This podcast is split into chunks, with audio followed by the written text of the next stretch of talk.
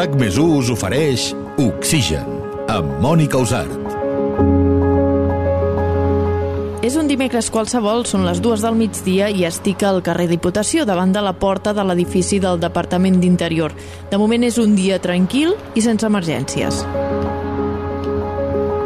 En aquest episodi descobrim com funciona Protecció Civil. Entro a la recepció de l'edifici i mentre estic passant el control de seguretat ja em ve buscar la Marta Joves, de premsa de Protecció Civil. La Marta m'acompanya fins a dalt i entrem a la sala de control del CECAT. Avui està tranquil·la, no hi ha corredisses, només hi ha tres persones assegudes i em quedo ben parada veient totes les pantalles que tenen al davant per controlar-ho tot, des del temps fins al trànsit, passant per qualsevol altra incidència que pugui passar al nostre país.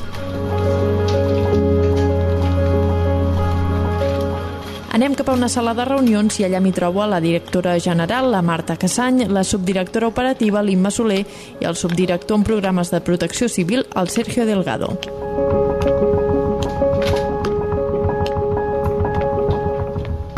Vale, doncs mira, la primera pregunta per començar és quan va néixer el CECAT? Doncs eh, el CECAT, que és el Centre de Coordinació Operativa de Catalunya, el Centre d'Emergències de Catalunya, Uh, si parlem de néixer, ens hem de referir a la primera norma que el crea, que és de l'any 92, de 1992. Els centres de coordinació operativa, tots els organismes de protecció civil de totes les administracions públiques, uh, d'alguna manera disposen d'un centre de coordinació, que és aquell que a 24 hores monitoritza els riscos i que davant la possibilitat d'una catàstrofe, una emergència greu o quan s'ha produït, responen. Per tant, és intrínsec la idea d'un centre de coordinació operativa preparat i a punt sempre per respondre a aquestes situacions amb la protecció civil. Aquesta referència és de l'any 92. La protecció civil com a tal és anterior, no? ens remuntem a finals dels anys 80, eh, quan comença a aparèixer la protecció civil a, a Catalunya com un, diguem-ne, com la, la, el precursor o, o, o l'avançada del que avui en dia és la Direcció General de Protecció Civil, que com a tal, com a Direcció General, existeix en el format actual des de l'any 2006-2007 i gestionem aquest centre de coordinació operativa actual, el que gestiona la subdirectora, en aquests moments Aina Soler, des de 1 de juny del 2008. Eh, gestionem aquest centre de coordinació operativa en el que ens trobem en aquests moments.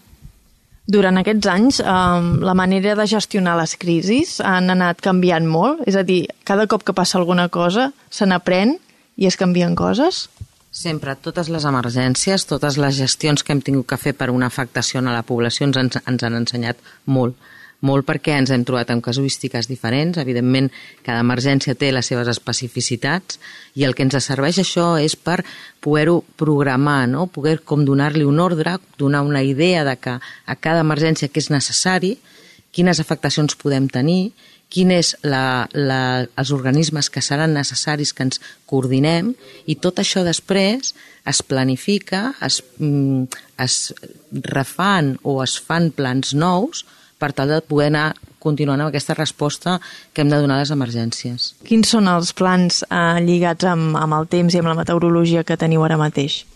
Bueno, eh, nosaltres, com tu expliques sempre, som un territori exposat a, a riscos meteorològics per les característiques, pel, pel clima, per l'orografia, i clar, tenim dos que són els més principals no? i coneguts, que és d'una banda les inundacions, i és evident, i no cal parlar-ne, sí cal parlar, però és evident els efectes del canvi climàtic i els incendis forestals que d'alguna manera o de gran manera estan influenciats per la meteorologia, per, les, per la climatologia i pels dies que meteorològicament són complicats.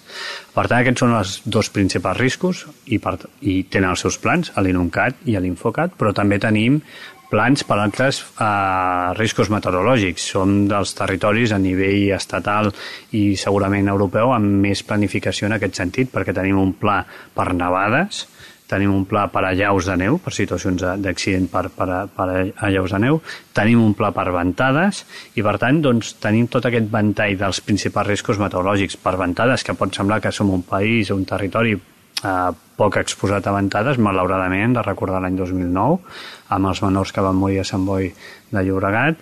Hem de recordar episodis doncs, a Terrassa amb la mort de dues persones per la caiguda d'un mur, tenim incidències i és un risc també important i de difícil gestió perquè, perquè és un element de risc que no es veu i, però que té uns efectes molt durs. Per, per tant, tenim diversos riscos amb els seus plans i són dels principals que gestionem. És veritat que també tenim altres riscos, de tipus químic, tecnològic, però aquests riscos meteorològics ens, ens donen feina i intentem recollir en aquests plans precisament allò que creiem que pot passar en, en, en referit a una gran emergència o catàstrofe, és allò que normalment la gent no pensa que passarà. És, la nostra feina és pensar en aquelles situacions poc probables, però no tan poc probables com perquè no passin, i tenir prevista una resposta i tenir estructurada sobretot unes mesures de cara que la gent estigui protegida o que pateixi els menors efectes possibles.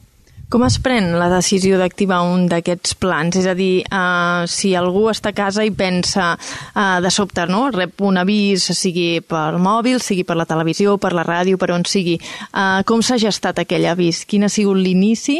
Uh, per exemple, per posar un exemple concret, si és un, un, inundacions, un dia d'inundacions, qui començaria a portar aquesta informació i fins on s'arribaria?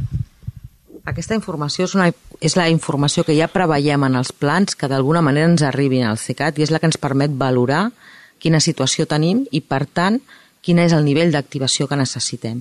Aquí en el CECAT treballem 365 dies a l'any, totes les hores del dia, sempre hi ha tècnics, tant aquí, en aquest CECAT que tenim a Barcelona, com en el CECAT que tenim a Tarragona, tenim dos CECATs exactament igual, que treballen conjuntament, i aquests dos centres el que fan és anar rebent totes aquelles dades que ja tenim acordades, que ja tenim plantejat a través del, dels plans amb altres organismes, per exemple el Servei Meteorològic de Catalunya, per exemple l'Agència Catalana de l'Aigua, per exemple tots els ajuntaments, ens mantenim en contacte amb tots els ajuntaments de Catalunya, ells tenen, saben que estem a disposició d'ells per si hi ha alguna incidència important que la rebem, també rebem tota la informació que ens deriva el 112 per poder anar veient quines són les afectacions que hi ha en el, en el territori, què està passant i a quin volum d'afectació està tenint, doncs com entendreu, tota aquesta informació en el tècnic i en els caps d'equip els hi permet fer una valoració de quina és la situació. Si nosaltres veiem que aquesta situació preventivament, perquè veiem que en unes hores pot anar evolucionant i pot anar cap a un moment que creiem que pot haver-hi una afectació important o que ja s'està donant aquesta afectació, el que fem des del CECAT és proposar-li en el director del pla, que en el cas d'aquí Catalunya, evidentment, és el conseller d'Interior, fer-li la proposta de que s'activin aquests plans, sigui en alerta o en emergència. Quan els activem en alerta, per què és? Doncs perquè estem en una situació pendents del que passarà o perquè l'afectació que s'ha donat és important, podria ser important per algú, però no és col·lectiva, no és una afectació molt generalitzada. Si la situació és molt generalitzada amb una afectació important, ja passaríem a emergència. Aquestes són les situacions en les que podem tenir els plans. En alerta, aquesta situació de no massa afectació però que pot passar alguna cosa, i amb emergència, quan és possible que ja s'hagi donat alguna afectació important.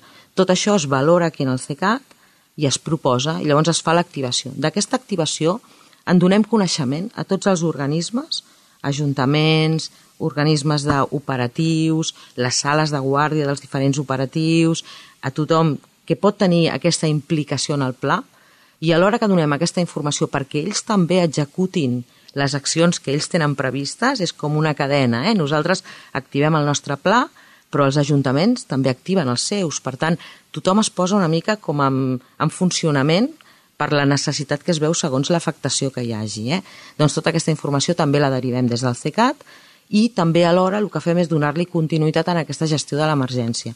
Els plans de protecció civil contemplen diferents òrgans de gestió, de coordinació, comitès tècnics, consells assessors, grups de treball, tot això també s'activa per continuar fent aquesta visió de l'emergència amb tots els col·lectius que sigui necessari, amb bombers, amb Mossos, amb el SEM, amb l'ACA, amb el Servei Meteorològic, amb els diferents organismes que per cada pla està determinat que és important que hi estiguin, i llavors aquí en el CECAT també es gestionaria aquest seguiment per anar veient quines mesures són necessàries i què cal continuar fent mentre dura aquesta emergència per, com sempre diem, retornar a la normalitat, que és el nostre objectiu final.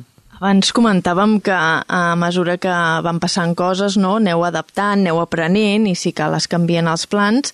Uh, si ara ho lliguem amb el tema de l'escalfament global, aquí també hi ha hagut canvis, és a dir, a mesura que va avançant el canvi climàtic també s'han de fer adaptacions d'aquests plans? Sí, efectivament s'han de fer adaptacions eh, i les haurien de poder fer sempre abans que es produeixin els fenòmens. Mm, aquí ens estem trobant en, en una simultaneïtat entre el procés d'adaptació i els fenòmens que s'estan produint. Eh, els estem veient cada dia, alguns a casa nostra, altres bastant a prop, com el cas de Saragossa, fenòmens extrems, molt greus, eh, on eh, la ciutadania ha de ser conscient de que les administracions públiques o sigui, no són emergències en les quals les administracions públiques tinguin la capacitat d'arribar abans al propi fenomen, sinó que fins i tot la ciutadania haurà de fonamentar una part de la seva seguretat inicialment i fins a arribar als, dels poders públics en la seva autoprotecció. I aquest és un canvi de paradigma important. Ja no estem parlant de que sempre podrem avisar temps, detectar el fenomen local, fer perquè de vegades ni serà previsible o serà tan ràpid o tan extrem que no tindrem temps pràcticament només que d'avisar la gent. Uh, per tant, doncs, aquest canvi és el que s'està produint en aquests moments i és un canvi de paradigma important. Ja no és només adaptar els plans i canviar els llindars i dir doncs, eh, fins ara esperàvem 20 litres en 30 minuts i ara sabem que seran 30 segur o 40, sinó que més la forma de gestionar-lo canvia.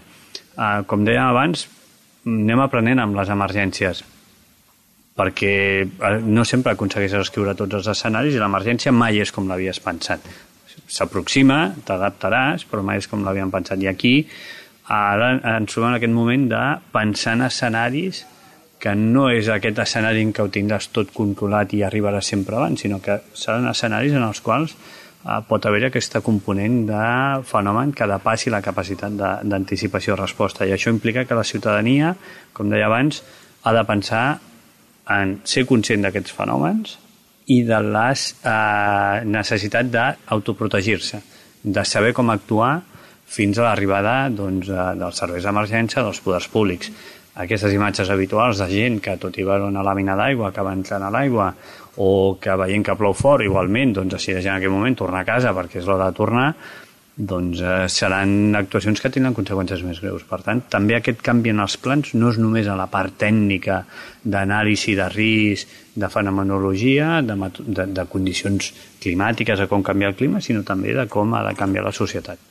Clar, també és una part d'educació, no? de més divulgació i de que la gent entengui que la seva actuació pot eh, canviar el resultat o el balanç final. Sí, de ser conscients de que eh, ells formen part de la seva pròpia seguretat. Aquesta autoprotecció és una peça essencial, la primera baula de la cadena de seva seguretat en relació a riscos greus, emergències, i començar a pensar això, ja no parlem d'emergències greus, parlem de possibles catàstrofes, parlem de fenòmens molt greus, on evidentment els poders públics, eh, les administracions hem d'estar i hem de donar resposta, però en el ciutadà aquest pes específic que té l'autoprotecció serà més gran, sobretot en aquests primers moments, davant fenòmens incerts, de difícil predicció, molt locals, doncs ho estem veient, no? Doncs inundacions en una ciutat i a la ciutat a 10 quilòmetres al costat, absoluta normalitat, i això doncs és un element molt extrem. És un canvi cultural, és difícil que la gent visqui el seu dia a dia pensant que pot haver una gran emergència, però de la mateixa manera doncs, que jo faré un comentari una mica així poc formal, però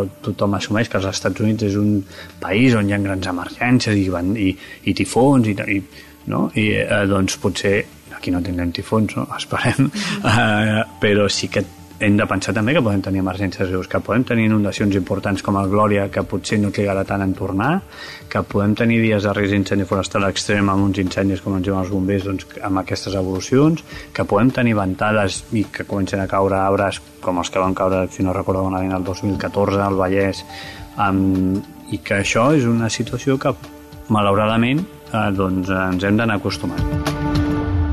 Oxigen.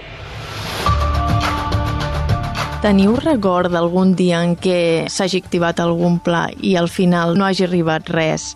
O a l'inrevés, que no s'hagués fet cap tipus d'avís i aquell dia hagués passat alguna greu? Teniu algun record? Jo, com a meteoròloga, per exemple, sempre tinc al cap no? aquell dia en què havies dit que plouria tot Catalunya i fa sol durant tota la jornada, o aquell dia en què no havia de ploure i plou. Ens hem trobat amb algunes circumstàncies d'aquestes, eh? El que passa que sí que entenem bueno, i t'has explicat tu, no? doncs el, els límits aquests que pot tenir la predicció. Per tant, per això sempre diem que el que hem de fer és una acció preventiva. I l'acció preventiva comporta això, que pugui haver-hi un moment en què el risc que estem preveient, com que no és exacte un, un, un, unes dades exactes al que passarà, o sigui, no tenim sempre, sempre treballem amb una probabilitat. Per tant, som conscients que aquesta probabilitat pot complir-se i normalment, i hem de dir-ho, els serveis eh, meteorològics i, i el Servei Meteorològic de Catalunya, la informació que ens trasllada és molt garantista, vull dir, ells de seguida que veuen alguna possibilitat, ells ens avisen amb una graduació i també ens donen la graduació de la possibilitat de que això passi. Per tant, doncs, eh, ens poden dir, això passarà, doncs, entre de 1 a 6 passarà a nivell 1. I llavors sabem que la probabilitat és petita. O ens poden dir, això passarà entre 1 i 6 a nivell 5. Home, doncs llavors sabem que segurament passarà amb aquest marge normalment no hi ha equivocació. El que passa que, clar, si diem un 1 de 6, doncs un 1 de 6 és molt poquet, per tant la probabilitat és molt petita. Però hem de treballar amb aquestes probabilitats, hem de ser conscients que millor d'aquí 50 anys doncs, hi ha més exactitud perquè evoluciona la tècnica, però que les probabilitats que tenim ara són força ajustades, però són probabilitats. Per tant, jo sempre dic eh, que jo prefereixo que m'avisin si hi ha una probabilitat de que passi alguna cosa que no pas no sapiguer-ho, no? I per això s'adona eh, alguna vegada que, que millor diem, home, demà poder posem una alerta perquè pot ser que plogui. I en algun punt acostuma a ploure, eh? El que passa que si no és molt generalitzat, doncs al no veure-ho et sembla que no ha passat, no? Bueno, jo crec que hi hem de conviure amb això i ho hem d'assumir. Ho hem d'assumir com algú que és pel nostre al nostre favor. I últimament esteu fent aquests simulacres de missatges al mòbil no?, per avisar de possibles riscos. Està funcionant bé? Eh, estan rebent bé aquestes persones que viuen en aquesta zona amb possibilitat de que hi hagi algun problema o algun risc? Estan rebent bé els missatges? Sí, aquest sistema eh, està en funcionament ja des de aquest any, des del febrer d'aquest any, i el que hem fet ara són simulacres. Hem fet un simulacre a diverses parts del territori i ara ens queda un últim simulacre que es farà eh, aquí a la demarcació de Barcelona, inclòs la ciutat de Barcelona, és el que ens queda.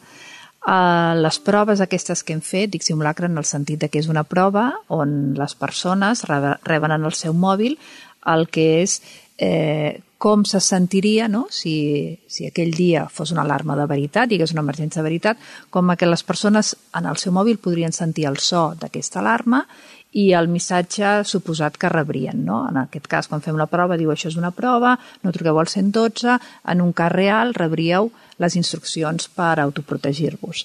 Doncs aquestes proves que hem fet han anat bé, únicament ens vam trobar, eh, quan vam fer la prova de Tarragona, que va haver algun error intern de l'eina i que no tots els mòbils que havien de rebre el missatge el van rebre. Però és un error que es va, va, es va solventar. Aquesta eina és una eina que la gestionem nosaltres com a Generalitat, però és una eina estatal i l'Estat ja va fer la, com si allò que calgués tècnicament per arreglar-ho i l'eina funciona perfectament. Per tant, és una eina que veiem que és molt útil perquè en molt poc temps pots arribar a moltes persones i de manera instantània pràcticament. I pots donar un missatge molt clar perquè per la seguretat de les persones. I en el cas, per exemple, no, que parlem ara d'una possible inundació, doncs moments, minuts, un temps abans de que es pugui produir, si ens consta aquesta informació, enviarem els missatges no, a tots els mòbils de les persones que estiguin properes a, en aquella llera del riu, per exemple. Per tant, és una eina molt potent en aquest sentit. I la idea és fer-ho amb tot tipus de fenòmens, com si, o riscos? Sí. Eh, hi ha riscos que són... Aquest riscos meteorològic és un cas molt clar, també és molt clar el cas del risc químic. Si hi ha un accident amb una indústria química, el missatge doncs, eh, de manera immediata també arriba a les persones perquè puguin confinar-se, perquè el, el, la consigna en aquest cas és el confinament ràpid, quan abans millor, per evitar no? que aquest, uh, aquest núvol tòxic pugui afectar les persones i per tant és un cas també claríssim. Podríem explicar per algú que no hagi estat mai aquí, no? ara per exemple estem asseguts en una sala de reunions, veiem una sala de control que avui uh, doncs és un dia tranquil, Per tant, pel que he vist a l'entrar hi havia tres persones en aquesta sala, però hi ha molts més llocs. Això seria un dia tranquil, vist almenys des dels meus ulls. Uh, com es veuria això, un dia com el del temporal Glòria o la nevada de l'any 2010, per curiositat, com seria? Bé, avui veieu la situació habitual que tenim en la, en la Guàrdia, aquí en el CECAT tenim sempre dos operadors i un tècnic, en el CECAT de Reus també tenim eh, te, operadors que estan treballant i també tenim persones que no estan directament en la sala, però que estan portant la guàrdia com a comandaments. No? Tenim un cap d'equip, tenim la subdirectora, en aquests moments soc jo mateixa, i portem aquesta guàrdia. Eh? Llavors, avui, en una situació en què no tenim cap pla activat, doncs, com veieu, tenim aquesta situació més tranquil·la. Ens acompanyen també operadors d'alguns altres, d'alguns altres operatius. També tenim aquí en el, en el CECAT un operador del SEM que també eh, durant l'estiu ens, recolza amb aquesta informació de lo que són les activitats d'estiu, de les dades que, que hi ha per anar-ne poder fer, fent més seguiment i aquests operatius són els que estan treballant en un dia com avui. Ells fan aquesta feina que us comentava abans, reben cada dia la informació de tots aquells organismes que esperem, informacions preventives de quina és la situació, estan alerta també d'aquelles trucades que poden donar informació sobre possibles afectacions a la població del 112, mm, estan en contacte amb les altres sales, amb la sala de Mossos, amb la sala de bombers, amb la sala de gens rurals, amb, amb el SEM, amb, amb totes aquestes sales també que estan els operatius treballant perquè també coordinen aquesta informació i van fent aquest seguiment. Què passaria en un moment que s'activés un pla amb una situació d'emergència? Tots aquests ordinadors que veieu aquí, que en tenim com, no sé, potser una trentena, no?, llarga, doncs tots aquests ordinadors estan preparats perquè cada un pugui venir aquí a l'operatiu o a l'organisme que sigui necessari per la gestió de l'emergència i tenen els seus aplicatius, les eines amb les que ells habitualment treballen. Vull dir que poden assentar-se aquí i és com si estiguessin treballant en les seves sales o en els seus despatxos poden venir aquí perquè la manera de gestionar l'emergència és coordinadament i per tant per això tenim aquestes, aquestes posicions a disposicions de tots. Quan dic de tots, per exemple, és del Servei Català de Trànsit, de Mossos d'Esquadra, del SEM, de bombers, de d'Endesa, de l'ACA, de l'Institut Geològic de Catalunya, de, de molts organismes i per cada pla els plans preveuen quins són aquells organismes que són destacats en la gestió de l'emergència, doncs tots aquests vindrien aquí per treballar els operatius conjuntament, aquesta gestió. I alhora, la sala en la que estem ara en aquests moments és la sala on es reuniria el Consell Assessor, un comitè tècnic, que serien aquelles persones responsables de les diferents organitzacions que es reunirien acompanyant el director del pla, el conseller d'Interior, perquè el conseller d'Interior, com a director del pla, pogués prendre les mesures adequades amb l'acompanyament i assessorament de tot aquest Consell o d'aquest comitè. I tot això es faria al llarg de les hores o dels dies que es necessités per gestionar l'emergència és molt important perquè, entre altres coses, aquestes mesures que es poden prendre són les mesures que indiquem com a instruccions a la població perquè facin alguna cosa per la seva seguretat. Pensem, per exemple, que en un pla pot ser que és necessari que es decreti doncs, el confinament de la població. Li estem limitant a la població la seva circulació. Això és molt important. Li estem dient tanca't en un espai i no et moguis, estàs limitant la teva capacitat de mobilitat, de, lliber, de, de llibertat de moviments, no? però, però ho fem per la seva seguretat. Doncs aquestes instruccions s'han de prendre amb l'assessorament i les ha de prendre, evidentment, l'autoritat que té aquesta competència, que és el director del pla, el conseller, no? I, i per això doncs, el CECAT funciona d'aquesta manera amb la situació normal, com tu estàs dient, de seguiment, i amb una altra situació molt diferent, que es dona doncs, en moments doncs, com el Glòria, com la pandèmia, per exemple, que vam estar aquí molts dies durant la pandèmia gestionant el, el que era necessari, doncs quan s'han donat algunes vegades incendis forestals importants que han requerit també aquesta coordinació, en aquests moments sempre hi ha aquesta, aquesta viabilitat de que aquí al CECAT doncs, es, es constitueixin tots aquests organismes de, de coordinació i que es vagi fent. Doncs mira, amb aquesta idea ens podem quedar per tancar. Moltes gràcies a tots tres i que vagi molt bé.